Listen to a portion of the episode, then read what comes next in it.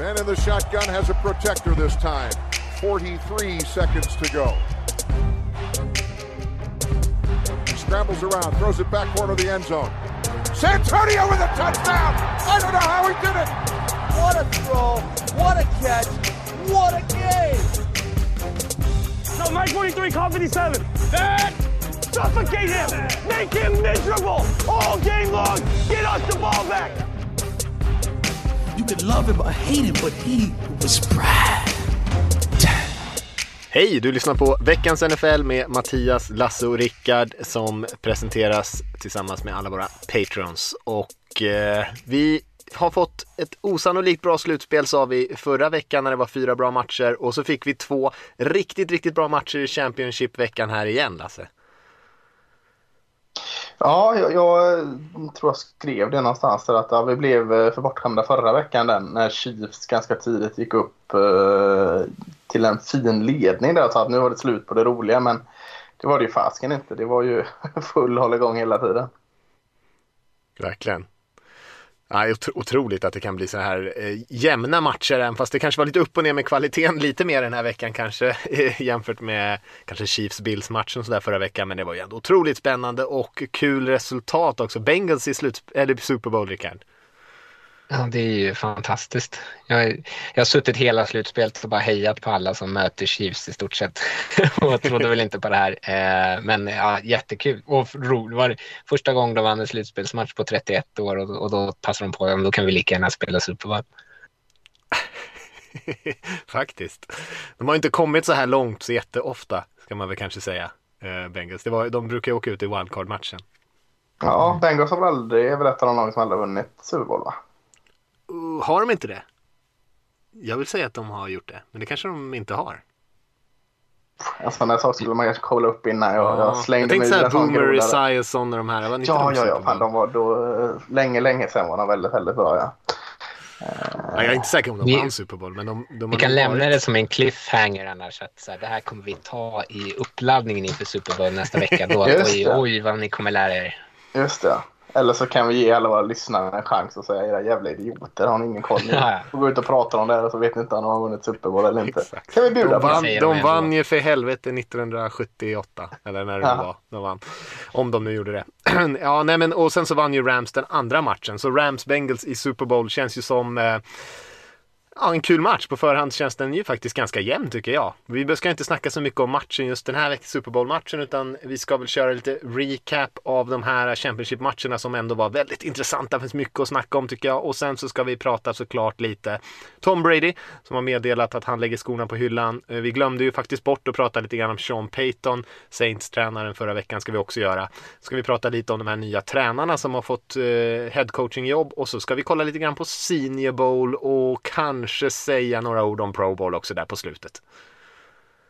Mm, mycket bowls, men ingen Super Bowl. Mycket bowls, exakt. uh, vad ska vi börja? Vi börjar kanske börjar med Bengals Chiefs-matchen som ni sa där. Gick ju till övertid till slut, men Chiefs drog ifrån ganska rejält i början. Såg ju nästan ostoppbara ut. Gjorde poäng på, eller gjorde touchdowns på varje drive, sina tre första tror jag. Och tog ju en jätteledning. Eh, och sen, eh, då såg det inte ut alls som att Bengals hade någonting att sätta emot. Sen gjorde de ett litet, eh, de gjorde en dålig avslutning på första halvlek eh, som vi kan komma in på lite senare tänker jag. Men och sen så Bengals då, försvaret lyckades steppa upp ordentligt i andra halvlek, stänga ner Chiefs och, och anfallet kickade igång och man kom i fatt och tog matchen till övertid och vann där. Eh, det så kan man väl kort sammanfatta den här matchen i alla fall. Mm, ja, det tycker jag. Eh, Chiefs blev väl nollade i andra halvlek va? Om de inte gjorde tre ja, tills... pinnar va? Ja, precis. Tills den här field goalen i slutet. Ja, ja, ja, ja. såklart. Eh, det stämmer ju. Så de fick det till... Nej, jo, så fick det till övertid. Precis. Ja. Men över, över 30, 30 minuters speltid där de inte hade, eh, där de inte tog poäng om man räknar från, från att de gjorde sin, eh, gick upp i en 28 poäng, eller 28, vad stod det? 7? 28 3? Ja, när de gjorde sitt 28 poäng. Från och med det så gjorde de sen inga eh, poäng. Eller 21. förlåt. 28 poäng. Jag tänkte, Ja, jag tänkte nu, nu vet du Du han pratar bort om den matchen förra veckan, eller på att säga, där det stod 28-3. När de borde ha gjort touchdown och eh, gått upp i 28. Men från det, när det stod 21-3 eller vad det var. Då tog, sen det, liksom, gjorde de inga poäng på över 30 minuter först de gjorde det här field goalet i liksom, sista sekunderna. Exakt. Exakt, väl sammanfattat. Väldigt smooth där Rickard. Eh, har du något mer att tillägga? Väldigt mycket, men det är nog bäst om jag är tyst. Ja, nej, jag vet inte var man ska börja där. Eh, De, som sagt, de spelar väldigt bra anfallsmässigt och Bengals hade ju lite problem i första halvlek och, ehm, och göra poäng och framförallt stam, stoppa Chiefs. Men jag kanske ska ta den här situationen i slutet av första, för den tycker jag ändå blir relativt avgörande, för de har ju möjlighet och är ju rätt nära att gå upp till 28 poäng där, som du är inne på Rickard. Du kanske räknade in dem där redan och gör, liksom, göra sin fjärde touchdown i första halvlek eh, och har ju Står ju där nere precis utanför en zon med 13 sekunder och har ju egentligen möjlighet. Tony Romo sitter ju där i båset och säger att de hinner med tre spel och sen så eh, misslyckas på första spelet får de ett till spel. Tänker man att det här kastar de in i endzone eh, och så de, ha, så de hinner med ett till spel om det inte lyckas. Men så kastar de en swingpassning kan man väl säga ut mot kanten på Tyreek Hill som blir tacklad innan mållinjen och tiden rinner ut. Så de inte bara att de inte hinner försöka till spel om de var sugna på och chansa att försöka touchdown och men de hinner heller inte kicka in ett field goal utan klockan tickar bara ut. Ett ganska snöpligt, eh, en snöplig situation för de fick ju också bollen att börja andra halvlek så de kunde ju som det såg ut där så var det ju så här nästan som man tänkte ja det finns en risk att de går upp till typ 35-3 här eller någonting. Men, eh, men de slarvade bort det lite grann, lite okaraktäristiskt, ganska dåligt beslut av Mahomes att kasta ut den eh, till Hill där. Eh, ja, Mm. Annars tog han väldigt många bra beslut i första halvlek. det, det kan man ju lugnt säga. Ja, för det, det var ju väldigt tydligt eh, en match med två ansikten här. Eh, Första halvlek så är det inte fult att säga att Bengals försvar var ganska dåliga. Eh, samtidigt som, som eh, Chiefs offensiv klickade väldigt bra. Kelsey och, och eller framförallt Mahomes och Kelsey såg ostoppbara där ute och, och Mahomes såg så där ut eh, som bara han kan göra när han lägger de här eh, kombinationspassningar av alla bollsporter. eh, Hur man kastar boll i ett kast och, och bara hittar den till mottagaren. Så att, eh, allt såg väldigt, väldigt bra ut för Chiefs. Eh, försvaret kanske inte satt på några jättetester men eh, gjorde sitt. Medan Bengals hade lite problem. Framförallt tycker jag Bengals secondary tyckte jag inte de här safetyna kom upp. Jesse Bates får lite för mycket att göra själv där. Vad heter han? Von Bells tyckte jag såg ganska tveksam ut i mycket av hans agerande. Och eh, uh, Avusi och Apple inte heller jättespännande där. Så, så första halvlek var ju liksom hatten av för Chiefs. Då var de verkligen, verkligen bra. Ja, jag höll ju på att bli lite tokig på Bengals. Alltså försvarsmässigt förstår man, då gjorde de egentligen det som många har gjort mot Chiefs i år. Att man ställde de här två djupa safeties för att liksom stänga ner de här långa spelen. Men Chiefs lyckades ju med allting i sitt korta passningsspel och sprang ju bollen väldigt, väldigt effektivt. Det var ju många gånger de fick upp så här 8-9 yards på första down på ett springspel medan i Bengals var det nästan tvärtom. Och det höll jag på att bli lite tokig på att man sprang bollen med Mixon tycker jag alldeles för mycket och särskilt på första down. Och man plockade ju knappt upp någonting så man hamnade nästan alltid i andra och lång direkt och hamnade lite liksom bakom.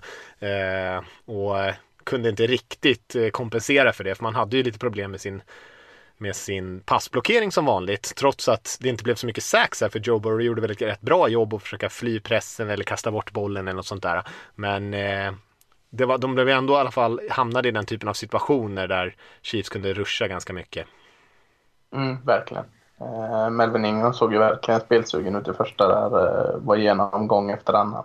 Men det ska läggas till, alltså Bengals offensiva linje som såg så väldigt bedrövlig ut mot eh, Titans. Eh, ska jag inte säga att de såg ut som superstjärnor, men coachingstaben och allt hade ju korrigerat det misstaget i alla fall. Det var ju också kanske lite därför det sprang lite mer med Mixon och att det eh, lades ut bollarna på kanterna och screens och sådant. De, de maskerade i alla fall det problemet bättre eh, matchen igenom med hålen i offensiva linjen. Även att han fick mycket press på sig tycker jag. Mm. Det var ju framförallt på right tackle mot Ingram där som du säger som hade lite, Ja. som hade lite problem. Ja, jag, tänkte väl nu prata om eh, Bengals försvar, Lasse. Att är- i första halvlek så blir man själv frustrerad när man sitter och tittar på hur mycket luft de ger till de här till Chiefs receivers på de här korta passningarna. Och i andra halvlek så spelar de liksom när de ligger under så där stort och de har märkt att det vi gör inte funkar.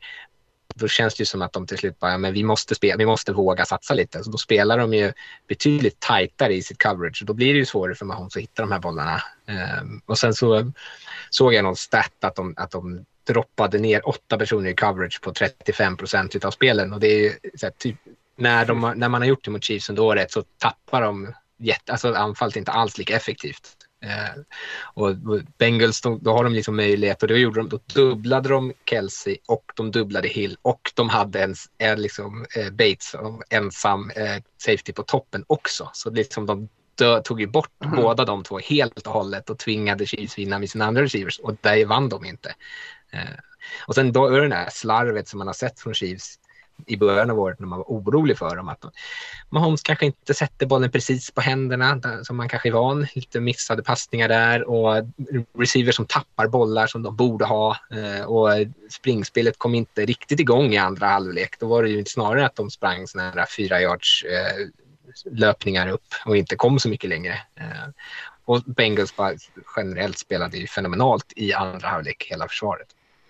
Mm, ja, verkligen. Eh, också imponerande där du säger han droppar åtta personer. För de, Trey Hendrickson gör ju en bra match igen. Eh, kommer igenom på mm. press. Men, men annars är ju den linjen, det är inte den linjen jag alltså förknippar med alltså att som kan sätta press så att man i vanliga fall har råd att droppa åtta.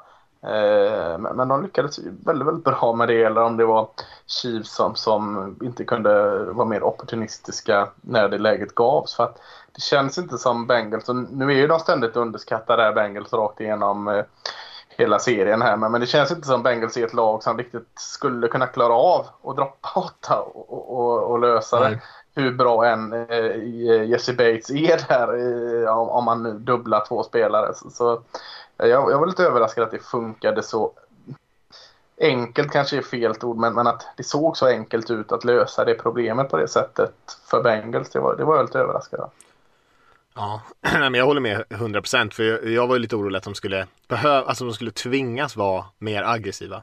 Men mm. så jag tycker de är rätt kyliga, precis som ni är inne på här, att de droppar många spelare, ruschar inte så mycket fler spelare än eh, tre eller fyra ibland, blitzar inte så himla mycket utan bara eh, droppar bak och försöker liksom minimera ytorna och då blir man ju också lite fler i boxen eh, om det kommer springspel. Så man får lite uppbackning där också. Och de gör ju det väldigt, väldigt bra. Och att det fungerade så bra var ju faktiskt lite förvånande tycker jag. Men eh, kyligt av dem tycker jag inte, inte få panik utan ändå våga spela det spelet igenom där. Och de märker ju att det funkar såklart. Men att Chiefs inte sen lyckas justera mot det eh, är ju kanske någonting som man kan kritisera dem för lite i den här matchen. Att de inte lyckas eh, hitta någon lösning på det i andra halvlek.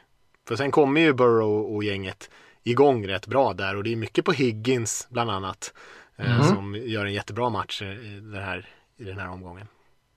Ja, sen tror jag det var du som sa det om det var inför den här matchen att Spagnola här, eh, defensiva koordinatorn i Chiefs, eh, Spagnola heter han va? Mm. mm. Ja, eh, att han jobbar väldigt mycket med blitzar och sådant och, och lever och står och faller, inte faller, men, men lever mycket på det. Och att det här laget kanske inte spelar så stor roll om man blitzar eller bara gör vanlig eh, rush och droppar för att det kommer, man kommer igenom ändå. Så att han har inte så mycket att vinna på det typ av spelet mot en sån här eh, mindre bra offensiv linje som Bengals är. Så det är också en intressant aspekt där i andra halvlek när Burrow och de kommer igång. Att de har kanske inte en man brukar säga att one-two punch. Liksom, de har sin första punch och inte när de funkar så är det ganska liksom, långt till att hitta den där andra punchen på något sätt. Så det, det tyckte jag också syntes i andra halvlek. Ja, men det, precis som du säger, och det pratar ju Rome om på sändningen också, att de, eller det som Bengals kanske gör bäst är att, eller som Burrow alltid gjort bäst, är att hitta one-on-one matchups och veta att ah, min kille kommer vinna det här för han kommer springa den här routen så jag lägger bollen där och få ut bollen fort. Och när, när Chiefs blitzade flera gånger om, då, liksom det påverkar ju inte honom för han kommer ändå få ut bollen fort. Det enda som mm. händer är att de kanske skapar ett, en one-on-one matchup mot för, för Higgins. Liksom. Istället för att plocka bort både honom och Chase så låter de behöva spara honom med någon annan. Liksom. Så, på så sätt så ingen effekt av blitzen mer än att man gör sig själv sårbar. Nej, men precis. Nej, jag, jag håller helt med. Och eh, de är ju bra mot blitzen, har varit det hela året egentligen. Och det är ju för att Joe Burrow mm. är eh, ja, väldigt långt fram i sin utveckling trots att det bara är hans andra år här och han eh, som sagt hade ju bara det här egentligen det sista kanonåret i college att han är så mentalt eh, långt fram är ju väldigt imponerande. Och jag blev ju lite tokig på också, utöver det här med Mixon då, att man spelade Chase rätt mycket i, i backfield, ställde upp honom på running back positionen, försökte köra spel därifrån och de hade ju liksom ingen yta. Jag tyckte det var mycket bättre när de flyttade ut honom lite grann och även fast de inte passar på honom hela tiden som ni säger så drar han ju på sig två spelare. Och ibland körde man ju screens kanske bakom Chase och Chase sprang liksom en djup route och sen körde man en screenpassning till P. Ryan oftast liksom bakom den ytan som Chase ändå tömmer för att han tar så mycket uppmärksamhet. Mm. Och precis så som ni säger Higgins och, Boyd får liksom en mot en och lyckas vinna de grejerna. Eh, så det tyckte jag var ett klart bättre sätt att använda Chase om liksom nu Chiefs försöker plocka bort honom. Mm, jag håller helt med. Sen blev det ju en ganska dramatiskt där i slutet av matchen för Chiefs går ju för vinsten. Och eh, försöker ju, det snackas ju så ska de låta dem göra touchdown, ska de, vad ska de göra i det där slutet på den här matchen? Och det är ju lite underliga beslut fram dit tycker jag, både från, från Chiefs och från Bengals. Och, eh, men de kommer ju hela vägen ner och är ju, ja, knacka på dörren kan man säga till att liksom ta ledningen i den här matchen. Men eh, får ju inte till det riktigt i, eh, nere i, i, i endzone, rece inga receivers fria egentligen. Och här fick ju eh, Mahomes ganska mycket kritik för de här saxen och så han tar. Och jag tycker att det där är nog fel ställe tycker jag på att kritisera honom. Jag tycker det, det är ju det han gör bra egentligen, att han inte forcerar kasten där nere. Han eh, kastar inte incompletion som lämnar mer tid på klockan för Bengals utan han tar de här saxen även fast det inte ser så jävla bra ut och sen famlar han ju bollen på sin andra sack där och det är ju, håller ju på att döda matchen helt och att Bengals kommer vinna den. Men jag tycker ändå det gör han smart tycker jag. Problemet är att de inte lyckats ja, hitta några eh, passalternativ för honom egentligen när Bengals droppar så många spelare. Trots, även fast han har väldigt mycket tid egentligen innan han tar de här saxen. Men jag tycker att det som Mahomes gör där när han ja, tar de här eh, kostsamma saxen ändå är ju det som gör att de faktiskt har, det är ju sådär man vinner matcher tänker jag. Det är ju, det är för att han är, det är ju smarta beslut som gör att de faktiskt kan kicka den där, gå till övertid, vinna slantstingen och få matchen och ha en, fortfarande en god chans att vinna den. Uh, att han inte forcera grejer där nere för då hade de ju verkligen kunnat sätta sig i en riktigt dålig sits och kanske till och med förlora den här matchen på, på ordinarie tid. Jag vet inte, jag, jag hör vad du säger och, och, köper det men jag tycker det är lite från situation till situation här och hur situationen ser ut. Alltså anledningen att han eh, inte eh, slänger bort och gör en incompletion utan blir sackad eh, x antal yard bak är ju för att han vill låta klockan rinna ut så att Bengals inte ska få en chans för en sista drive. Eh, och jag köper det också. Men, men eh, det är också lite eh, alltså det som de säger no risk no biscuits som Chiefs har kört så mm. mycket. Det är lite motsatsen av det för att fan, för, någonstans så, försvinner vinstmarginalen också ju längre bort från en som han kommer. Även om man skrapar bort klocka en del. Så att i det här läget så känns det mer som att de går för övertid för att eh, visst han får mer öppna ytor hittar någon Enson men, men oddsen talar ju såklart för att ju närmare man är Enson ju enklare är det att göra en touchdown och vinna matchen. Så jag köper det du säger absolut och jag, jag tycker nog det är svårt att säga vad som är rätt och fel i det här läget. Eh, det, det, det, får ju resultatet egentligen att eh, utvisa vad som blir rätt eller fel. Men jag kände det lite som att här gick de nog lite för där var det eh, don't risk it mer än eh, eller liksom eh, de var fega där tycker jag. Jag har ingenting emot egentligen att, man, att, de, att de spelar klockan. Det, det som jag kanske tyckte var lite underligt var väl att de försökte stå med benen i båda eh, lägren. Alltså dels ville de döda så mycket tid som möjligt och samtidigt spela passningsspel för en touchdown. Antingen, jag tycker att det blir tokigt, antingen så hade jag väl kanske sprungit och försökt liksom, liksom tugga yard samtidigt som man framförallt har fokus på att döda ner klockan och spela för övertid. Eller så är man mer aggressiv i sitt passningsspel, för det är väl det som är problemet, inte det att han håller bollen och tar sax utan snarare att han kanske inte lägger bollen i situationer som ändå presenterar sig men som inte är så jätte... Eh, alltså det, att han väntar för länge, att han blir för feg i att jag tänker bara kasta om jag har en riktigt öppen receiver. Eh, och då blir det liksom ingenting. Alltså det är väl liksom kanske deras all, liksom alternativa sätt att springa ner klockan. Men det känns som att man, man inte riktigt visste vad de skulle göra och att de inte heller själv, kanske själva visste vad det var de ville göra. Ville de vinna matchen där och då eller ville de spela för övertid? Ja, nej, jag tycker nog att de kunde ha sprungit bollen åtminstone en gång när de var så där nära. Alltså bara för att mm. Döda klockan och sen ändå ge Mahomes chansen att döda den utan så mycket annat att tänka på. Nu behövde han tänka på båda de här grejerna för att de ja, valde ändå att passa bollen. Uh, och, men under de förutsättningar det blev sen att de kanske inte ja, kanske inte hade något bra alternativ. Då, då tycker jag ändå att han gör rätt när han tar säken så att säga. Men eh, men det är klart, det är möjligt att de kunde ha hittat då får man nästan gå in och studera de spelarna och se vad han hade för alternativ där.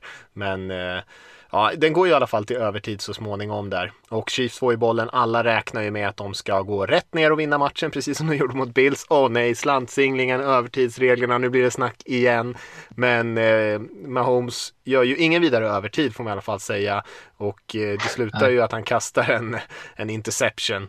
Och eh, hade ju eh, det var lite på känn att han skulle kasta en interception på spelet innan till och med. Men eh, och sen så eh, får ju de bollen, Bengals kliver ner och eh, rookie-kicken där McPherson som jag sa innan vi började spela in här, 12 av 12 kicks här i slutspelet, varav flera långa och två game winners lyckas ju kicka in den där så att Bengals kan ta den där Super Bowl-platsen. Och Ja, jag tyckte att det var ganska kul ändå. Chiefs, de har ju varit som sagt i fyra raka AFC Championship-matcher, hemmaplan varje gång.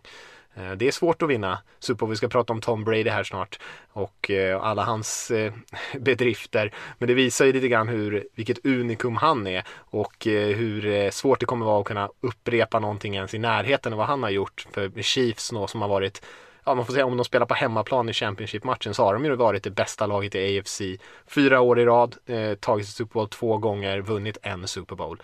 Eh, och det är ju sjukt svårt, även fast man är jäkligt bra. Mm. Ska vi säga så där, sätta punkt där för den matchen eller har vi någonting annat vi vill få ur oss? Ja, jag tycker att eh, jag har sagt det jag vill säga. Samma här. Heja Bengals! Ja, det var kul. Jag tycker det var kul. Vi går till 49ers Rams då. Det var ju eh, också en jämn match. Rams vann med 17-20 i slutändan. Och eh, jag tyckte väl att Rams större delen av matchen var det bättre laget och i, särskilt i kanske första halvlek där jag tycker att de lämnade en hel del poäng på tavlan. De har ju en interception nere i red zone bland annat. De har en tappad passning i 49ers målområde. Eh, en annan lång tappad passning. Eh, man flyttar ju bollen väldigt, väldigt bra, har ju ett stort överläge i yards, men, men går ju till eh, halvtid. Är det 10-7 till 49ers när vi går till halvtid? Jag tror att det var det. Ja, jag tror det. Mm. Eh, och det kändes mm. ju helt, eh, helt upp och ner jämfört med hur matchbilden var. Men de lyckades ju ändå vinna den där i, eh, i andra halvlek. Men det kändes som att, åh, vilken, vilka bortkastade möjligheter i första halvlek för Rams och kanske kan det kosta dem, men det gjorde det inte i slutändan. Nej, eh, matchen artade så lite i början tycker jag, lite som vi var inne på när vi pratade om, om Forinannes resa där med, med eh, det här eh, anonyma, eller relativt anonyma försvaret som gjorde sin grej fortfarande. Och, och eh, lyckades väl med det hyfsat, för jag tycker eh, Stafford såg inte sådär supervass ut i första tycker jag. Eh, springspelet är väl inte där det ska vara heller så det kan man inte heller luta sig mot. Så att de är ju så väldigt beroende av eh, Cap, eh, Beckham Jr och Stafford där. Tyler Higby, Tyrenden, gick ju ner tidigt också. Han är underskattad som liksom en vad som kallas snuttefilt för Stafford att lägga bollarna på också. De, de var lite störda av det tycker jag och, och andra utnyttjade det bra. Eh, men jag håller nog med dig Mattias där att jag tyckte hela tiden trots det så kändes det som att bara eh, Fornandes stod mer eller mindre och tog, tog emot slag liksom och väntade på liksom, att klara alla ronder här. Eh, för att jag kände som att Rams var de som delade ut slagen trots att det inte var de bästa av slagen. Så jag, jag, tyckte också hela tiden på något sätt Rams hade detta trots att man låg under. Jag tyckte det kändes oroväckande där när de kom ut i andra halvlek och de, de läm, eller vad heter det, får en sån här turnover på downs eller att de ska, de har 2-1 som de ska gå och så springer de, kommer ingenstans. 3 och 1 springer, kommer ingenstans. 4-1 kommer ingenstans. Ja, eh, och då ja, kändes var... det som att okej okay, nu är det den här liksom Rams-laget som avslutade matchen i, mot Buccaneers som har liksom kommit till spel som inte riktigt lyckas med det. Alltså gör de här typen av själv, eh, vad man säga, att man skjuter sig själv i foten. Eh, för direkt, direkt efter det går ju 49ers för en, jättelång, alltså för en touchdown på en ganska lång tidsserie ja. och då är det inte så mycket tid kvar. Då är det liksom två minuter kvar av tredje kvarten. 49ers leder med 17-7. Då kändes det hos mig, även om Rams var kanske det mer liksom, effektiva laget, så kändes det som att ja, men nu har ju 49ers ganska bra, god kontroll på den här. Liksom vänder i stort sett allting inför fjärde. Ja, jag, tycker, jag, jag håller med dig. Och så sen tycker jag att eh, efter det att 49ers gör den här eh, och touchdown så svarar ju eh, Rams med en betydligt snabbare eh, mm. drive på touchdown. Då, då kände jag liksom, då fick, då fick jag nästan, då svängde det igen där. För det kändes som nu, nu, eh, nu tar de detta. Det finns ingen chans att de tappar detta kändes det som. Att då eh, svara upp på det. För det, luften borde gått ur där. Man såg liksom så här, Aaron Donald försökte mana på sitt försvar. Kom igen nu, kom igen nu, det här vi vill. Och, och liksom, man såg liksom att fasken nu måste vi få igång, komma igång här. Och så svarar de på det, liksom, offensiven med, med att göra en touchdown. Alltså, så där kände jag liksom att nej, nu, nu är de eh, liksom nu vänder de på den här turnover med down. De, de, de svarade direkt på den touchdownen som 49 svarade på. Nu, eh, nu, eh, nu går det liksom. Så att jag var nästan mer överraskad att det blev så pass lugnt i, i fjärde kvarten som det blev. Eh, jag trodde det skulle rinna iväg lite där faktiskt med, med eh, Rams. Mm, jag såg en eh, tweet någonstans att eh, eh, det här, den här matchen var liksom anledningen till att Rams bytte till sig Stafford och eh, anledningen till att 49ers bytte till sig ett, dra, ett dra, tredje valet i draften för att välja Garoppolos ersättare. För någonstans är det ju ändå 49ers försvar spelar ju väldigt bra, även fast de tillåter mycket yards här i första halvlek, men ändå, vi spelar ju en bra match, men det är ju anfallet som är egentligen för dåligt och eh, vi har sett det många år i rad här nu med Kyle Shanahan som jag ofta eh, lovordar, eh, huvudtränaren i 49ers, att deras anfall har avslutat matcher väldigt dåligt, avgörande matcher för dem i slutspelet och eh, här är det likadant. De har ju bollen, de har ju chansen här i slutet på matchen att driva och sådär men de, springspelet kommer inte igång.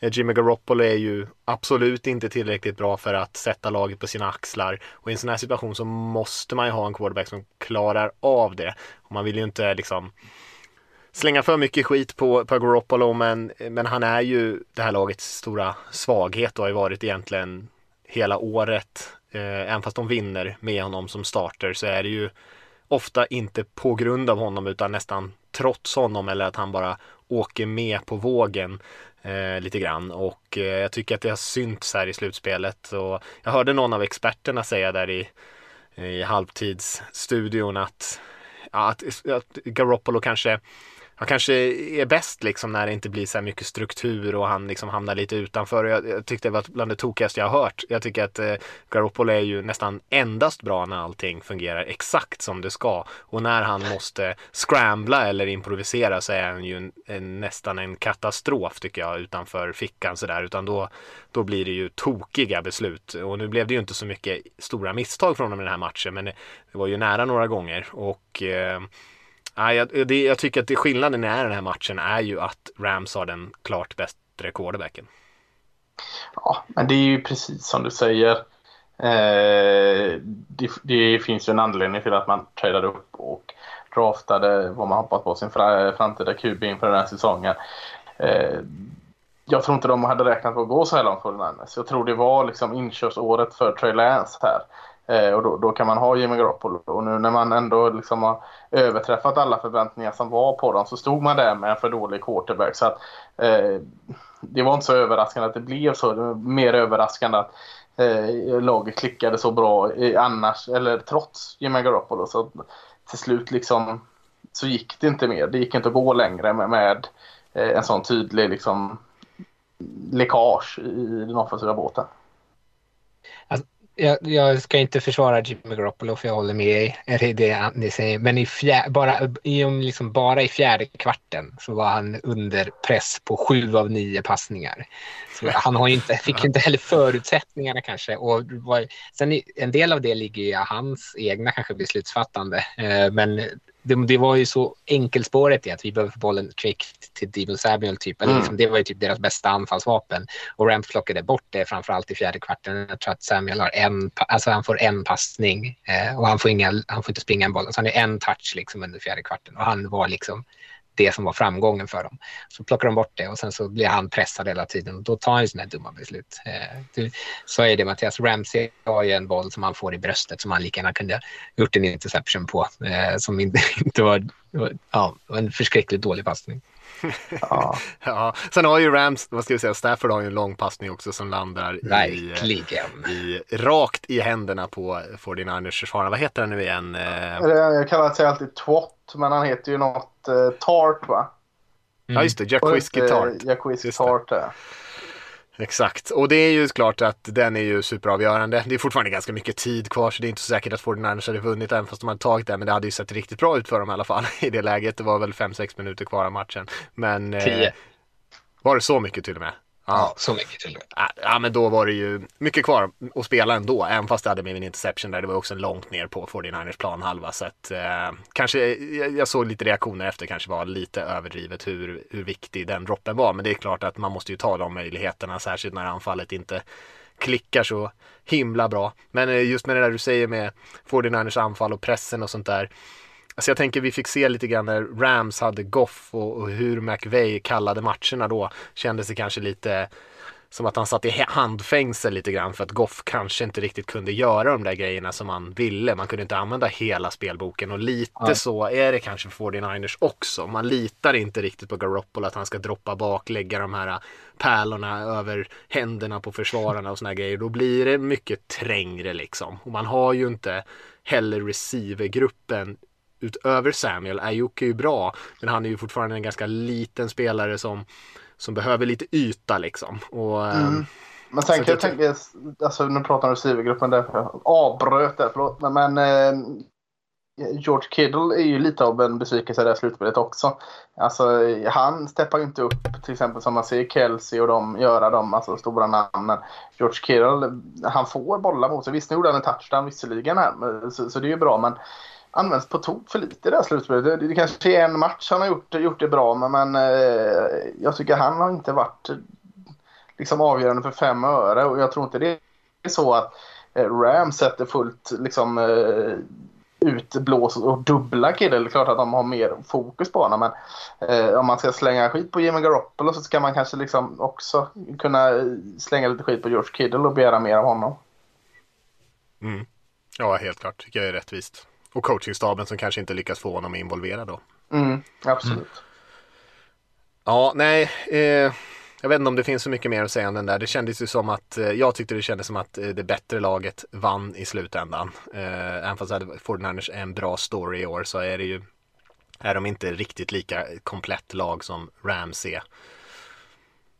Nej, men 49ers gjorde en svinbra säsong liksom. Ja, är, de går verkligen ut med flaggan i topp här. Det är, de slickar sig nog om munnen här för att gå in i nästa säsong med, med detta. Visst, man vet inte vad man har Trey Lance och så eh, än, men, men jäklar vad de överträffar förväntningarna. Verkligen. verkligen.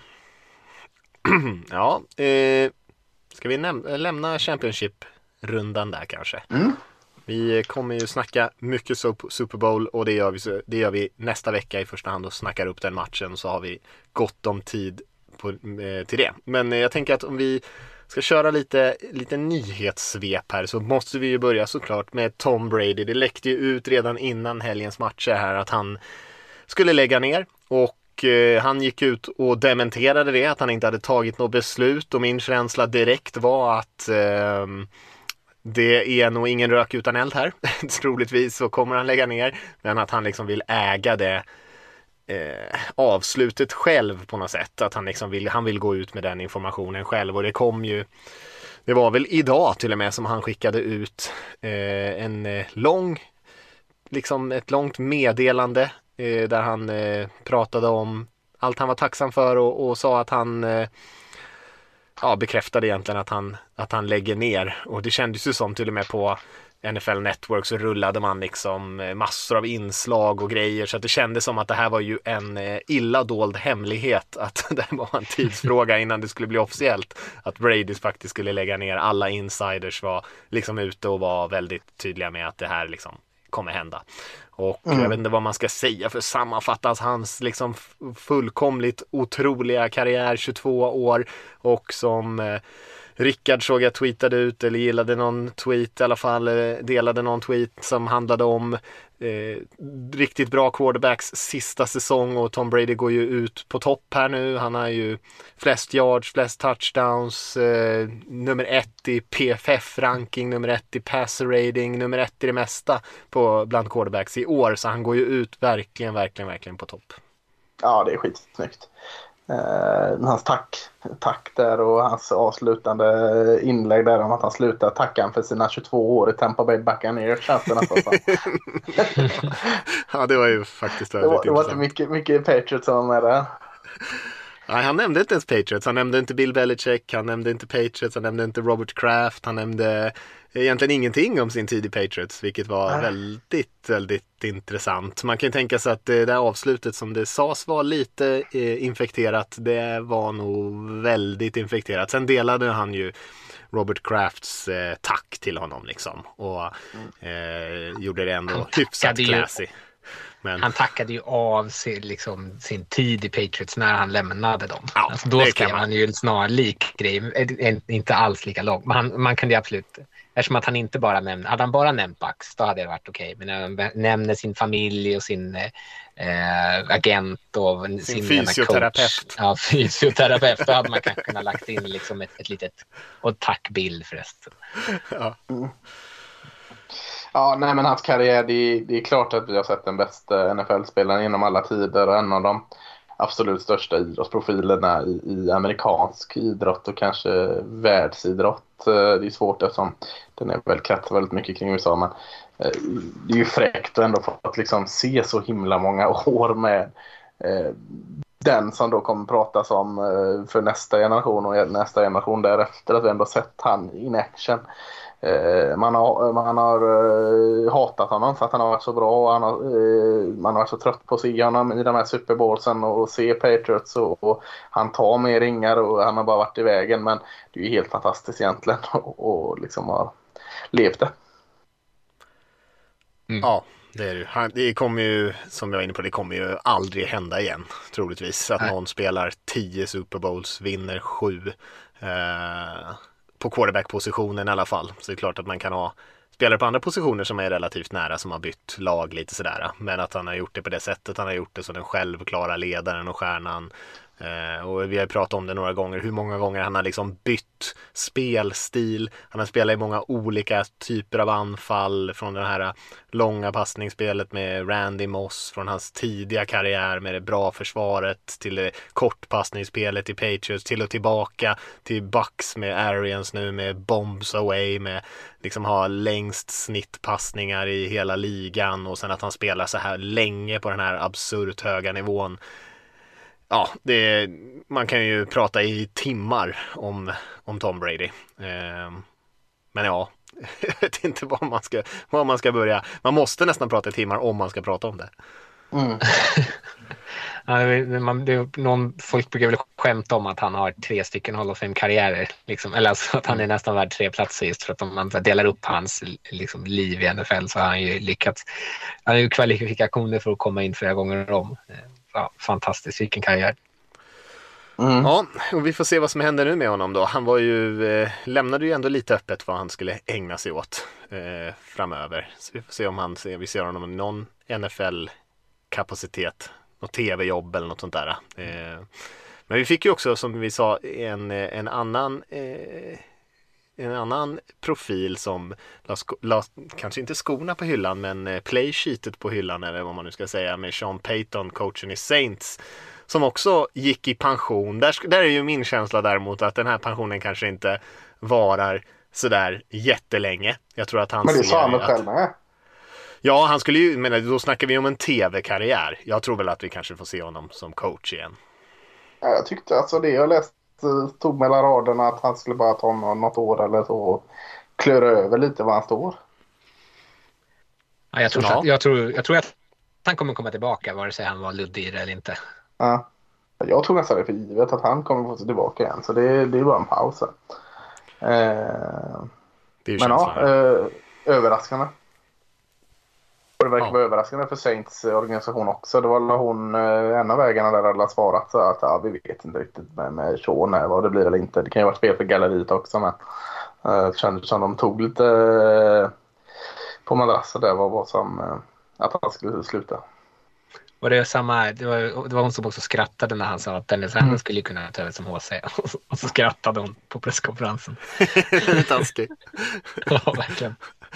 Ja, man kan ju säga med, synonymt kanske med, eh, eller i alla fall gemensamt med Brady här så så Sean Payton kan man ju tänka sig också ta den här pausen nu, en liten taktisk paus, för han ser ju också kanske vad som händer i det här Saints-laget. De gjorde en oväntat bra säsong i år, men eh, det är ju uppförsbacke och inte minst på quarterback-positionen vad som ska hända där och försvaret spelade ju på en osannolikt hög nivå i år och de hade ändå ett ganska tydligt tak och Tom Brady i Buccaneers där kändes kanske som att det var någonting man nästan var halvt överens. De satsade ju stenhårt när han kom dit och inför den här säsongen och liksom satsade allt. Inför nästa år så ser det ju riktigt skakigt ut i Buccaneers, särskilt utan Brady där. Många, många, många, många spelare som, som vars kontrakt går ut här nu. Eh, och man har ju också haft ett lag fullt av liksom veteraner på de flesta nyckelpositionerna. Så att eh, båda de här två lämnar ju eh, lag som har dominerat eh, i alla fall senaste åren för Buccaneers och under lång tid för Saints lämnar ju de lite grann i spillror bakom sig här.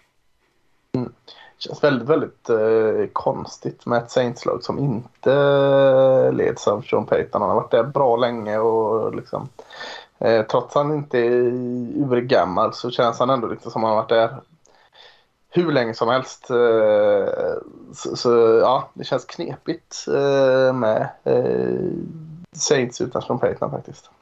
Mm. Ja, hela deras storhetstid egentligen är ju Peyton och Breeze och nu är båda Mm. borta. Ja, eh, ska vi hoppa lite till eh, coachingjobben. Vi har Mm. ju haft, vi har ju massor och massor av lediga jobb i år, eller hade i alla fall. Vi hade nio lediga jobb nu med Saints-jobbet och man räknar in Raiders-jobbet också som vi har räknat med hela tiden att det skulle bli en ny coach där och vi har fyra lag som har hittat en ny coach och det är Broncos som har anställt Nathaniel Hackett som är har varit offensiv koordinator i Green Bay Packers här senaste tiden. Fått många att spekulera om Roger också kommer med där och spelar en säsong för Broncos. Bears som har eh, tagit in Matt Aberfluss som är, har varit defensiv koordinator i Colts.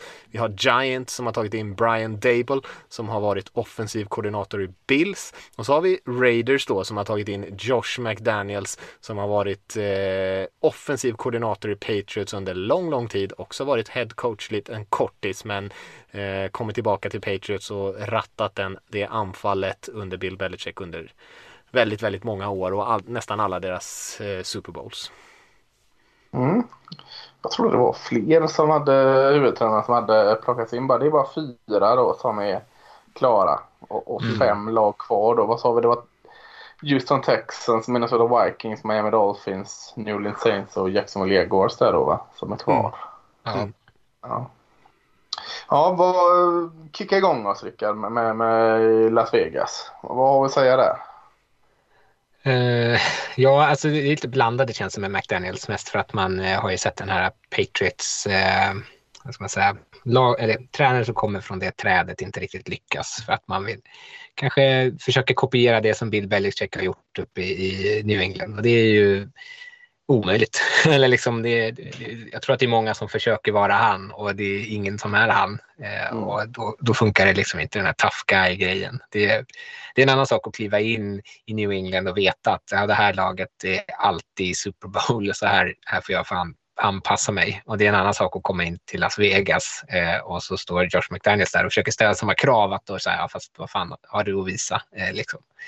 Eh, men eh, alltså jag är ju ändå glad. Jag, jag tänker ändå att det här är en bra eh, att, att, alltså att han, är, han är en väldigt bra offensiv koordinator. Jag tror att han har ganska många lösningar på det som Raiders haft problem med offensivt. Så jag tror att offensiven lär komma igång eh, bättre eh, och det, det ser jag ju fram emot. Sen är jag, verkar det ju på hans presskonferens som att han är lite mer av en, att han lite förstår att det har inte att göra med att vara en bra eh, liksom kalla bra spel utan det handlar snarare om vara, han kunde hantera människor och det var det han själv säger att han misslyckades i Denver.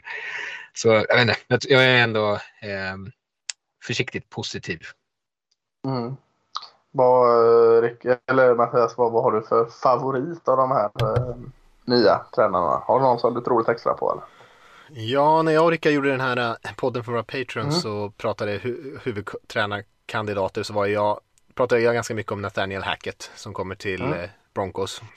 Och det vi pratade om där, han har gjort ett jättebra jobb som OC både i den här rollen, han var ju även för Jaguars gjort ett bra jobb och sen för Packers här nu senast och eh, det har ju pratats mycket om honom i Green Bay att han har tagit ett stort ansvar och jag berättade då för, eh, för Rickard och våra patrons att han bland annat har lett mycket av deras off-season program i Packers och liksom hållit mycket eh, av liksom, när man går igenom spelboken och, och liksom förbereder sig för säsongen. Det är mycket av det som de gjorde på distans då. Så att han har ju tagit ett, ett, lite av ett större ansvar än vad man kanske brukar se från en offensiv koordinator och fått mycket cred för det där för sina liksom ledaregenskaper. Och det tycker jag är väldigt positivt. Sen har han ju nått väldigt bra resultat som OC eh, på de ställena han varit. Och nu har jag senast såklart med, med Rogers så har han ju haft väldigt bra förutsättningar men även under sämre förutsättningar så har han gjort ett väldigt bra jobb. Så jag tycker att det känns spännande och sen har jag ju pratat ett par gånger och det håller ni säkert med om att Broncos har ju fortfarande väldigt mycket bra spelare i sin trupp. Det är ju QB-positionen när man fortfarande letar efter ett självklart svar men, men det finns ju många duktiga spelare där så att Hacker tycker jag känns spännande. Och för att kommentera McDaniels där så tycker jag att Eh, det är ju en sån där kille som man tänker att han aldrig skulle lämna Patriots som många har varit och ryckt i. Och eh, jag tycker också det känns som en väldigt positiv anställning för Raiders. Att han ändå har den där eh, erfarenheten av att vara headcoach innan som har säkert gjort honom lite mer ödmjuk.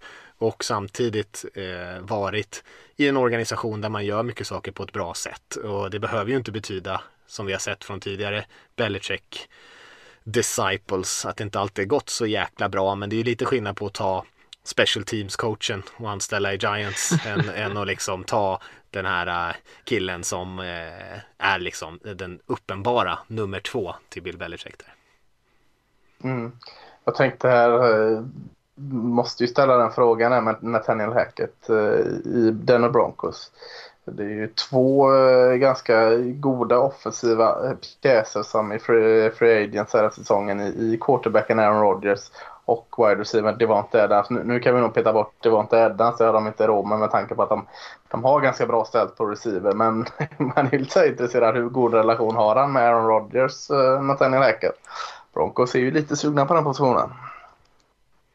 Svårt att hitta en bättre match för någon av dem tänker jag. Eller ja. alltså, det, är, det kanske om man rent krasst ska titta på liksom konkurrensen så är det ju en del ganska bra quarterbacks i divisionen och då är det kanske bättre att gå till en i South då, nu som håller på att töms. Mm. Eh, men liksom att komma till ett lag med ett sådär bra försvar som egentligen bara är en QB bort är, eh, en, måste ju vara en dröm för eh, Rogers. Mm, och har då komma till ett spelsystem som han har varit med och, och tagit fram precis. med, med hacket. Eh, det tycker jag ska bli intressant att följa faktiskt. Eh, ja. eh, den biten eh, ska ju inte det hamna i skugga alltså att han är huvudtränare för Broncos ska inte bara ha med Aaron Rodgers att göra med. Men det är en, en rolig liksom delstory i det tycker jag. Mm, kul om Broncos gör det där igen. De lyckades ja. ju lura dit Peyton Manning och eh, få några riktigt schyssta år och en Super Bowl. Ja. ja, så lyckas man kanske då alla fall spekulationen kommer ju dra igång här att man kan lyckas dra dit Rogers då på sin liksom sista år av hans karriär. Eh, ja, intressant om de lyckas med det en gång till. Ja. Får jag lägga till en, Ja. Får jag lägga till en sak angående, för eftersom att vi pratar om de här alla jobben nu, så har ju de lagen också anställt en ny general manager förutom Broncos. Eh, och Vegas plockar ju Dave Ziegler som också är från Patriots. De, han och McDaniels kommer ju som ett paket. Giants plockar in Joe Schoen från Bills plock, som sen då anställer Dable. De kommer ju också som ett paket. De har erfarenhet av varandra. Och sen eh, Chicago anställer ju Ryan Poles från Chiefs som har jobbat med eh, Colts nuvarande general manager. Så där finns det ju säkert en relation att Iberflas anställs där är ju säkert liksom på rekommendation därifrån. Så det är också en ganska intressant aspekt, kanske framför allt med Vegas och Giants, att man kommer två stycken som bör ha liksom en delad vision om så här, exakt så här ska vi göra. Det, jag tror att det kommer vara mer av en 50-50 maktstruktur i de två lagen än vad det är en, liksom, traditionellt sett en GM som har mer om, liksom, att bestämma över. Mm, det känns bra. Eh, tänkte det på uh, Devil i, i New York Giants också och general managern här att de, de kommer in och ganska tydligt liksom i, gick väl ut och sa vi ska få uh, Daniel Jones till att göra det han gör bra och bygga ett lag kring det. Uh, tänker mig det, Josh Allen, är en av de bästa quarterbacksen i NFL. Nu kanske inte man ska lägga den förhoppningen på Daniel Jones där men med tanke på hur, hur liksom tveksam vi och må många andra var till Josh Allen när han faktiskt draftades av, av Bills och kom in där. Då var det ju lite, så här, ja, lite samma känsla som det var när, när Giants draftade Daniel Jones. Nu kanske det är för sent att liksom korrigera det med Daniel Jones men det tycker jag är intressant också att se vad, vad, hur, hur, eh, hur bra man kan få igång det offensivet med Daniel Jones. Det, det, det tycker jag känns väldigt intressant. Mm. Mm. Ja, verkligen. Eh, och sen eh, är man ju lite in, eh, nyfiken på att se vad som ska hända med Bears och de har ju Justin Fields där som behöver liksom kanske någon som guidar hans utveckling på ett bra sätt och det ju, behöver ju inte betyda att Eberflus inte kan göra det eller få in folk som kan göra det och det finns ju många QB som har utvecklats med en defensiv headcoach, inte minst Josh Allen då. Men eh, det är viktigt tror jag att få till en bra stab där som sätter honom i en bra situation också. För det är mycket av framtiden hänger ju där på, på Fields utveckling såklart. Mm, verkligen. Ja, det, det är några namn som har eh, figurerat lite mer än andra kanske på de andra jobben. Det är ju fortfarande, skulle jag tro, att Brian Flores har en god chans. Är med i slutintervjuerna på eh, åtminstone åtta av de här lagen. Eh, O'Connell, Kevin tror jag han heter va, som är OC i Mm. eh, Rams, är ju med lite överallt. Patrick Graham som du har pratat om, Giants defensiva koordinator. Eh, är väl några av de namnen som det fortfarande pratas rätt friskt om. Harbaugh eh, till Vikings Harbaugh. pratas det ju eh, väldigt, väldigt hett om också eh, såklart. Det har varit en profilsigning för dem. Mm. Ja. Ja, spännande. Mycket jobb. Jag sa det till er innan, man, innan vi spelade in att det har gått ganska snabbt här och det känns ju som att det är kvaliteten, eller åtminstone ja, man, man vet ju aldrig vem av de här headcoacherna som kommer bli bra, men eh, det börjar ju bli lite svårt. Är man liksom det åttonde laget som väljer headcoach så får man ju hoppas att de inte är då på sitt eh, femte, sjätte, åttonde val utan att de faktiskt lyckas få tag i den som de helst ville ha. Men det är klart att det, eh, det blir ju färre och färre kandidater här när det är så här många lediga jobb. Det brukar det ju faktiskt inte vara. Fem, fem sex stycken har vi väl sett eh, rätt ofta. Men eh, nio lediga jobb, det, det är inte så vanligt. Mm. Och, och förutom Harbaugh här så känns ju det här college-spåret väldigt liksom ohett. Eh, har ju säkert en stor del att göra med Urban Meyers sorti i, i Jaguars och Matt Rule här som, som är långt ifrån populär i hur han har skött eller hur det har sett ut för Carolina Panthers. Eh, måste nog vara att de är lite mer försiktiga för att ta det det klivet och kolla på hellre då på koordinatorer eh, än, eller high school quarterback eh, coacher i, i Texas. ja, det är många intressanta eh, namn man hör intervjuas. Man tänker det där kan ju inte, kan ju inte vara möjligt. Eh, men Demico Ryans drog ju sig ur här, defensiva koordinatorn i 49ers Mm. som har ett år som DC. Det hade varit, känns som att det var väldigt tidigt i hans karriär att ta ett headcoachingjobb men han stannar i 49ers ett år till i alla fall är det sagt. Eh, Ja, vi får se där. Jag kan tänka mig också om man vänder på ditt resonemang där Lasse kan man också säga att det kanske finns en del college coacher som märker att ah, det är lite risk att ta det här steget upp till NFL. Ja. Man sitter rätt bra på ett schysst jobb, schysst lön eh, i college som är såklart hett eftertraktade jobb de också och inte nödvändigtvis ett sämre jobb än att vara NFL-huvudtränare. Så att eh, säkert några av de där som kanske mest jagade som gärna stannar kvar också och då blir det ju kanske inte kanske inte man kan välja och vraka bland toppnamnen. Nej, nej så är det. Vi tänkte att vi skulle prata lite Senior Bowl. Jag tycker vi kan hoppa in på det. Eh, mm. Lasse, kan inte du kort berätta vad Senior Bowl är överhuvudtaget? Mm. Eh, det är ju den sloganen The Draft Starts in Mobile. Eh, det är ju en eh, träningsvecka som avslutas med en match nere i Mobile, Alabama. Eh, mestadels eh, sista årsspelare i college då, som eh, bjuds in här på grund av ett fint år.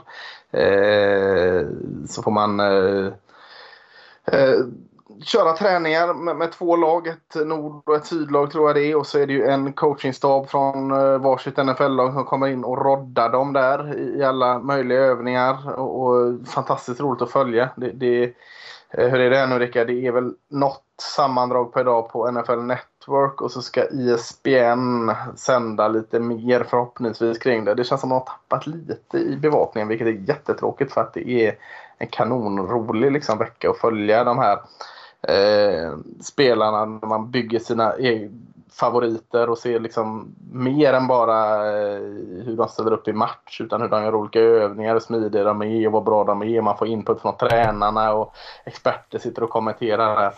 Eh, oftast är det väl liksom de här riktigt stora toppnamnen har en tendens att tacka nej till senior ball för att de, de känner att eh, de har visat vad de kan. De kanske inte vill sänka sin eh, eh, draftaktie här genom att eh, vara med där och, och, någon annan gör något bättre. Men, men i år är det, ju en, eller är det ju en draft som det känns som att det är väldigt litet glapp mellan spelare 1 och spelare 60 i de här listorna. Så att, eh, jättemycket intressanta spelare. Eh, att liksom, om man nu inte följer college så är det att få hitta sina egna favoriter och, eh, i början till draften här.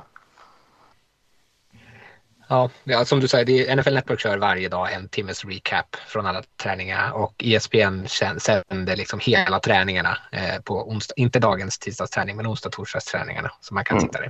Ja. Och jag håller med, det är ju svinkul. Kolla liksom offensiva linjespel mot defensiva linjespel i olika rush-situationer är ju ja, det är larvigt vad det är roligt. Och liksom, folk som inte kollar på amerikansk fotboll tycker att man är dum i huvudet när man sitter och tittar på det här.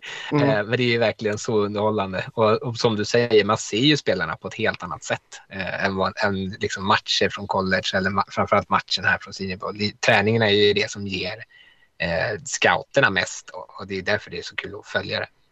Ja, verkligen. och, och uh Ja, och, och, som du säger, även om, som jag då som kollar eh, tok för mycket collegefotboll så blir det ändå speciellt här för att eh, få se på tränarna, du får se liksom hur de korrigerar, vilka liksom som, någon som äger någon i one mot one-lägen och så skriver man upp han på något sladdblock eller i anteckningarna i mobilen och så mm. kollar man vad han gör nästa och så följer man.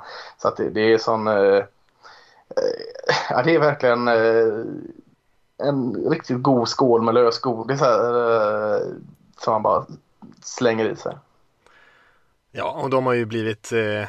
Senior har ju utvecklats mer och mer kanske till att vara precis eh, som du sa där Lasse, det första du sa, liksom att the, the draft starts in Mobile Alabama. Mm. Och att det är liksom eh, eh, att det är, man liksom riktar in sig ännu mer på vad just till för draften nästan. Att man liksom mm. har gjort den veckan både med tillgängligheten, hur mycket analys det är, att man sätter spelarna, man lyssnar ju rätt mycket på vilka spelare som kanske är liksom intressanta inför draften också. Och, få, och verkligen eh, lägger upp det så att NFL kan komma dit och, och kika på de här spelarna på ett väldigt bra sätt. Så det blir ju nästan som en liten mini-scout-vecka där, där alla är liksom. Ja, och sen är det ju också eh, liksom med sociala medier här så är det också en, ny, en till dimension av härligheten med de här mått sporten presenterat. Det, har de ju redan gjort. Så här, liksom, de väger, mäter, vinstbäng, händer. Och då kommer det alltid upp roliga stories. Någon som har sjukt långa armar, någon som har svinkorta armar, någon som har eh, ett längre högerben. Eller bara så. Nej men så är det inte. Men, En sned tumme.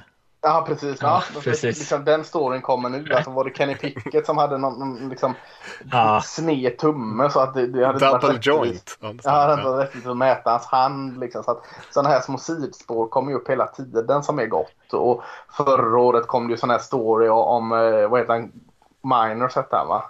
Ja. Just det. Eh, som The Belly. Ja, som sprang runt med, med magen fladdrandes i vädret där från en liksom, division 3-skola, alltså en Lilleputtskola och så eh, vips och satt eh, vem av dem, om det var Jeremiah, jag kommer inte ihåg, med, med en sån tröja med han och så kom det upp liksom, reportage när han bara stockar uppe i Kanada för att hålla igång under covid-säsongen. Så att det kommer de här sidspåren också som är helt fantastiska. Eh, ja, så, så det, det är väldigt mycket gott här. Det finns nästan inget liksom, dumt med den här veckan alls. Det, det är en, en underbar vecka. Verkligen. Och som du säger, Miners men även andra spelare som liksom imponerat på den här veckan och klättrat ganska rejält. Josh Ja. Allen gjorde en jättebra vecka när han var där, quarterbacken och Eric Fisher, offensiva attacken som gick väldigt högt i sin draft, eh, gjorde ju också en väldigt imponerande vecka. Mm. Eh, så helt klart, ska vi lyfta några spelare som, från veckan som eh, kanske är lite extra intressanta? Ja, det, det är ju... Vi kommer att prata om draften eh, i en massa avsnitt här efter Super Bowl eh, såklart. Men, men eh, det är ju en, en inte så profilstark eller eh, i, i varje fall inte stjärnglans på quarterback-positionen årets draft. Eh, så att, och det är ju sex quarterbacks som är med här i, i Senior Bowl. Och, och det är väl bara en egentligen, Matt Corell i Ole Miss, som inte är med som det snackas om av de här toppkubisarna. Eh, så att redan där är det ju, får vi ju smak på liksom vad det bästa QB har att erbjuda i Senior Bowl här. Eh, så att eh, eh vi har Sam Howell, vi har Malik Willis, Desmond Ridder, eh, Kenny Pickett eh, och eh, Carson Strong då framförallt. De fem där som, som alla liksom har legat etta på olika personers favoriter där. Så att redan liksom den intressantaste positionen blir en intressant grej att följa i Senior Bowl här. Och, eh, ni har väl hunnit kolla på ett par av dem i alla fall, även om, om ni inte har begravt er i college riktigt än. Ja, Ja, och jag tycker, framförallt så tycker jag det är kul att ska se alla de här liksom, sida vid sida. Att, Mm. eh, men det kanske är orättvist i vissa situationer att jämföra dem för de har ju kanske olika styrkor. Men Willis med sin raketarm och sin eh, jättehöga atletiska förmåga kommer ju kanske se lite mer spexig ut än många av de andra. Eh, Men eh, jag, är- jag är ju jag vet inte om man, man får säga men jag är ju Sam Howell-hörnet. Jag tycker ändå om honom. Eh, så jag, jag hoppas ju att han liksom kan på något sätt eh, bekräfta eh, att jag, liksom min, min förtjusning i honom eh, och se så här bra ut. Jag tycker att han har haft ganska... Han har, han har spelat under ganska konstiga förutsättningar, eh, eller framförallt i år. Eh, och jag tycker att han har ändå hittat sätt att vinna och det tycker jag är imponerande. Så jag, jag kan hoppas att, hoppas att han liksom tar den liksom, kanske inte alltså, vinnarroll, men att man ser att han är liksom en ledare på något vis. Mm, man känns som en ledare. Eh, lite, lite kortare, lite mindre quarterback eh, som hade en fantastiskt fin 2020 i, i North Carolina. Och då pratades det om att liksom ett riktigt toppkubel. Eh, sen har han eh, haft ett sämre lag runt omkring sig eh, året som gått här och förväntningarna eller har dämpats lite kring honom men väldigt intressant. Mm, tappade väl Eh. båda sina running backs där som hade Ja precis. hög Och kvalitet. för Och sin wide receiver. Ja, och sin wide receiver och en del från linjen där. Så att eh, han har haft eh, två väldigt annorlunda år där. Men eh, ja, spännande. Och, och du har en annan av dem du har kollat på som du har kanske fastnat lite mer på hittills, Mattias va? Ja, det är ju en ganska brokig skara. Det är väl inga så här självklara topp, eh, toppspelare här tycker jag här, utan det är ju eh, man, man ser ju fina grejer i alla tycker jag, och, men alla har ju också sina brister. Det är ju kanske inte den där eh, Joe Burrow-typen där uppe i toppen. Eh, men Howell tror jag definitivt kan göra rätt bra ifrån sig här. Han är ju en hel del fysiska attribut som är väldigt intressanta. Jag gillar ju Kenny Pickett en del av de här som spelat i Pitt. Eh, som jag tror också kanske skulle kunna göra hyfsat bra ifrån sig här. Alla de här är ju rätt atletiska tycker jag. Men han är väl lite mer sådär lite mer av en gamer, kan man säga det? Lite, lite vårdslös, eh, kan Ja. scrambla rätt mycket, bra på att liksom undgå pressen och sånt där. Ehm, Men jag tycker ändå han gör en del små saker bra också, sånt där som känns som man vill se från en rutinerad quarterback, att han liksom ändå kollar bort safeties, den typen av grejer. Men han är ju lite av den här mer av en gunslinger typ. Jag fick lite så här nästan Baker Mayfield, Nick Mullens-vibbar nästan av när jag tittar på honom. Eh, men jag tycker att han känns eh, intressant. Men sådana där spelare tycker jag är ofta väldigt svårscoutade också ur college. Men, eh, men jag tycker att han har mycket man kan tycka om. Han är ju, en av få spelare i college år som faktiskt fick till en regeländring direkt efter match. eh, Mer eller mindre. Han gjorde en, en fake slide. Just. Eh, Mm. Så, eh, han är en liten busig äckel där, men eh, han ser inte mycket ut för världen. Eh, alltså atletisk i någon form av liksom, löpkapacitet. Men jäklar vad det går undan när han liksom hittar ett hål i mitten och springer upp 30 yard. Och kanske 40 då om man fake slidar. Men eh, ja, han är absolut intressant. Jag har ju, alltså det talar ju också för att det är en bland eh, skara här att jag har eh, en, en annan som kanske är min favorit just nu och det är eh, Carson Strong från eh, Nevada, en lite mindre skola. Eh, lite kanske mer eh, omodern quarterback så, eh, om man ska kalla den pocket passer.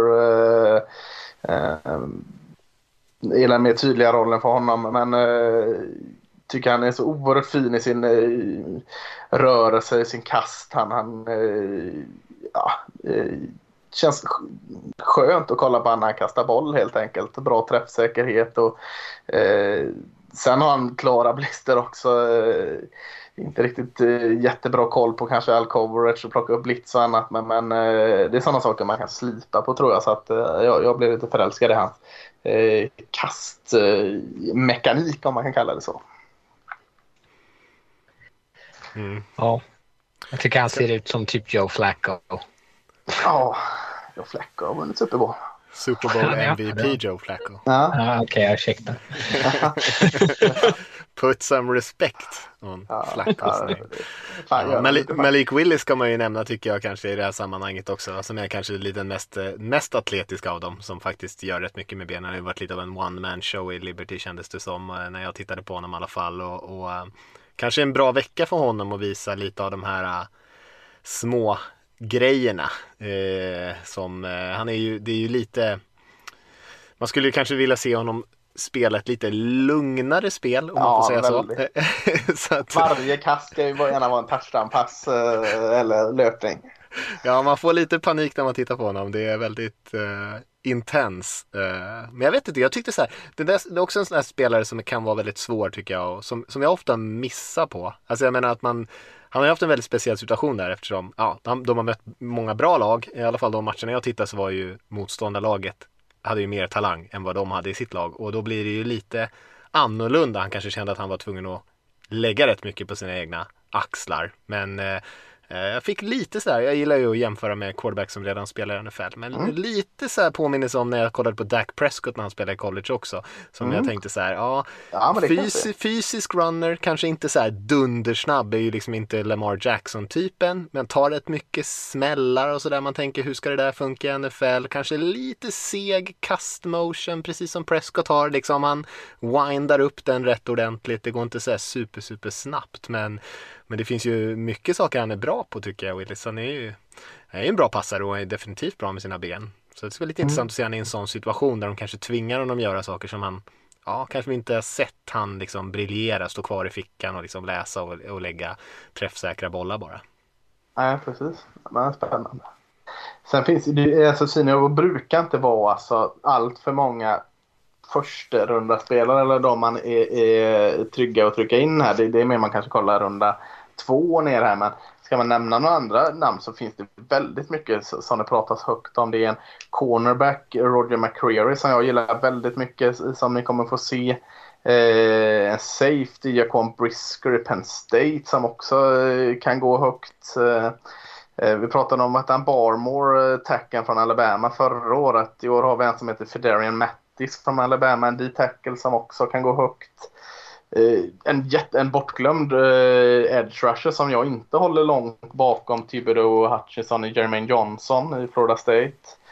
Eh, en tight end, Trey McBride, Colorado State, som, som också jag sett några har mockat i första rundan. Superkul eh, receiver, Jahan Dotson i Penn State. Och så kanske den första linebacken av i Devin Lloyd i Utah. Så att det, det, är, det är väldigt stora profiler för den här draften som eh, är i mobil just nu och, och tränar. Så att, eh, det är inte bara om man vill kolla in vad som ska tas i runda 2 till 7 här utan här är det toppnamn. Och, och med en bra seniorboll så kan det vara topp 10 draftval som vi ser där. Ja, och lite som du sa inledningsvis där, som att det är en ganska grötig eh, liksom klass i år, att man mm. inte riktigt har den här självklara liksom, grädden på toppen, så känns det som att det är ganska många här som har en chans att kanske höja sin draftstatus från att vara andra rundespelare till att gå någonstans, kanske i botten utav första. Jag kan tänka mig att vi har liksom eh, upp mot en 8-9 stycken som, spelar, som är här som går i första rundan och det är ju inte jättevanligt. Nej, och det, det är precis så. Det, det, tror, tror också liksom spelarna vet om detta och till att bli ipumpade den här informationen. Liksom, att visa mm. vad ni kan här nu. Liksom. Så är det första rundan för er. Och, uh, så jag tror nog liksom, alltså det är alltid bra uh, intensitet i de här träningarna i Sineboll. Men kan det kanske ännu bli ännu bättre och ännu mer liksom, på sin spets? Kan vi se några bråk? Kanske till och med under, under de här träningsövningarna för att det är så på allvar. Uh, jag har jättehöga förväntningar. på bråk. ja, men lite så. En, en nose tackle mot en guard liksom, som, som tröttar på varandra. Det, det hoppas man ju se lite. Lite gruff. Det behöver inte vara liksom, att man flyger med nävarna, men lite gruff vill vi gärna se. Picket mot någon defensiv linjespelare kanske. Ja, precis. Ja, Blinda över tummen. han, han, har det lite i sig tror jag. Uh, ja, eh, nej, men intressant och som ni säger, eh, det är ju seniors här så att och de superhypade spelarna de går ju ofta ett år tidigare. Så att, mm. och då är de ju inte med på senior bowl. Men många intressanta namn och det blir ju en viktig draft på det sättet när det är svårt att det är ju säkert lätt att gå bort sig i första rundan. När det kanske är lite blandat så här. Så att då blir det de här veckorna, all, all tid som man liksom får träffa de här spelarna och få en bilda en uppfattning om det blir ju ännu viktigare för lagen såklart då. Ja, verkligen. Ja, är det någon mer ni vill nämna om eh, Senior Bowl? jag tycker vi fått ut det mesta. ISBNplayer.com eh, kan man gå in. Eh, det finns sådana dagspass. Så alltså finns det säkert gratis prova på grejer och allt sådant om ni vill eh, liksom plugga in och kolla. Så att det kan man rekommendera. Verkligen. Har man inte använt det tidigare så får man ju sån här sju dagars gratis period mm. också. Ja, eller bara massa olika e-mailadresser. det, det också. Lasse, bara, eh, jag ska bara kolla om det är värt att plugga eller inte. Men hade, vad har du laddat upp dina liksom, första anteckningar på de här spelarna nu så att det finns draftprofiler på hemsidan? Ja, bra att du sa det. Eh, jag, eh, jag och Magnus vi fick upp en runt 90 spelare som vi har lyckats skriva lite recensioner kring och satt betyg på. Och jag har väl en fem 30 plus spelare som är med i Senior i alla fall som ligger där på nflsupporter.se. Och så kanske det finns en flik som heter draften eller något sådant. Det finns också eh, en länk ute i några av våra eh, Twitter där. Men ni kan gå in och, och hitta den på nflsupporter.se så har ni i alla fall eh, 50 spelare ni kan läsa eh, vad jag tycker och sen eh, antagligen applådera vad spot on jag var eller skratta och peka på hur galet ute jag var. Men, men där finns massa. I USA säger de ju att the draft starts in mobile och här säger vi att uh, draften startar på nflsupporter.se. Ja, precis. Exakt, exakt så. Ja, det är bra. Nej, det är ju faktiskt en fantastisk, eh, ja nu ska jag inte tuta våra egna horn för mycket, men det är ju en eh, fantastisk tillgång ändå att, eh, att eh, gå in och läsa om alla de här spelarna. Och vi brukar ju få ihop en jäkla massa namn och vi är ett par av och som bidrar vissa mer än andra kan man väl säga. Eh, Lasse, Magnus, Rickard kanske i första, eh, första hand som är inne och skriver om de här spelarna. Och det är ju eh, väldigt intressant att läsa. Intressant också att gå tillbaka och läsa om spelare som vi har skrivit om inför tidigare drafter. Eh, inte minst för att kanske lära känna deras styrkor och svagheter. Eh, och eh, Ja, det tycker jag definitivt att man ska göra. Särskilt om man tänkte ratta in de här träningarna. Så har man lite, Mm lite bakgrundsinfo i huvudet när man tittar. Ska vi säga någonting om Pro Bowl som spelas den här veckan? Det är ju därför det är uppehåll. Super Bowl spelas ju inte den här helgen utan helgen efter och eh, det är ju för att det spelas en Pro Bowl däremellan. Rickard, vad, vad, vad tycker du att vi ska ta med oss från Pro Bowl? Jag skrattar mest för att du säger det att så här, det är för att det är Pro Bowl som det är en uppehåll. Att det är så här, ja, men vänta, flytta, den här finalen, den är inte så jävla Ja, viktig. den är inte så viktig. Kan, vi måste ha alla Pro Bowl-spelare. Vilken final pratar du om nu? Pro Bowl eller Super Bowl? Eh, ja, men nu i den här luckan som blir så är det Pro Bowl. Eh, ja, alltså, de, det är ju inte det roligaste i världshistorien. Det som är kul är väl kanske att se vilka spelare som nomineras dit och sen är det ju alltid massa som tackar nej och så är det massa eh, ersättare som plockas in. Men de har i alla fall gjort om det på senare tid nu att de har såna skill tävlingar och det är ju lite, kan ju vara lite kul att titta på. Annars brukar det inte vara så sevärt det här. Eh, men eh, titta på när de har så här, ja men vi ska träffas mot tavlor som håller på att flytta sig fram och tillbaka eller receivers som ska göra mest spektakulära mottagningar och sådana saker. Så de har ju jobbat lite på underhållningen åtminstone. Ja, det var lite som gladiatorerna. Precis, ja men det, och det är ju kanske ett lämpligare format än att de ska liksom springa och tackla varandra. Ja, jag har för det är ingen som vill göra det. Nej. Nej, men det känns ju... De är inte på någon semester. vid- Ja, men det är väl någon klassisk, någon spelare som sänker typ en kicker eller någonting på en punt return på den här Pro Bowl. Jag kommer inte ihåg vad det är för något. Något sån här absurt som har hänt, som man bara, vad som händer i den här matchen? Eh, så det här är ju lämpligare. Ja, jag tänker det att nu när Nickelodeon har börjat med sin sån här slime-sändningar och sånt så eh, kunde man gå all in på de här slime-grejerna på Super Bowl så får man, eh, för barn tycker sånt här säkert är liksom är roligare än vad vi gör. Eh, vissa barn i alla fall. Så att, kanske att de eh, kör lite mer slime, de kan gå över plankor och sänka ner varandra och ramla ner slime. Gå all in på slimet säger jag och få, få, så får det något för barnen i alla fall. Det har varit jättekul. Ja. Ja, ja. Nej, matchen i sig som ni säger, det är, spelarna vill inte skada sig, det är inte så mycket tacklingar och man får inte göra vad som helst heller, man får inte blitza och spela sig. Det är så i och för sig lite på Senior Bowl också på matchen, men, men där är det ju också som lite sagt mer på spel. Ja, Jag exakt. Och det är, får, eh, får en eh, spelare i Super Bowl tacka ja?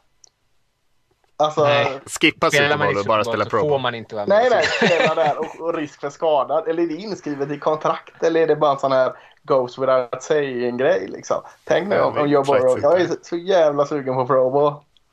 Och så skadas sådär. Alltså finns det en, en chans? Ja. Jag tror Nej, inte man får inte. faktiskt. Får man Nej. inte? Nej, jag tror inte det. Eftersom en säsong inte är slut. Aha, Ja, det är så eller? Mm, jag tror att det är något sånt. Ja. Det hade varit så jävligt kul om Odell Beckham Jr. kände jag vill ändå, jag vill ändå vara med. Ja. Jag är ändå i lite Vegas, jag Då har jag så jävla snygga enhand catch. Jag vill inte missa den övningen.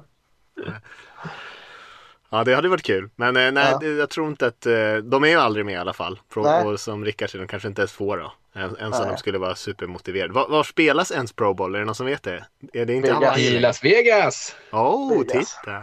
Just det är det. Det är ju ballgame i Vegas. Kanske blir det en liksom vattenpolomatch där i, i eh, fontänen framför Bellagio där. Ja, vad skulle det kunna vara? Ja. Måste väl lägga den i Vegas och Hawaii och sånt för att locka dit spelare överhuvudtaget. Ja, Hallå.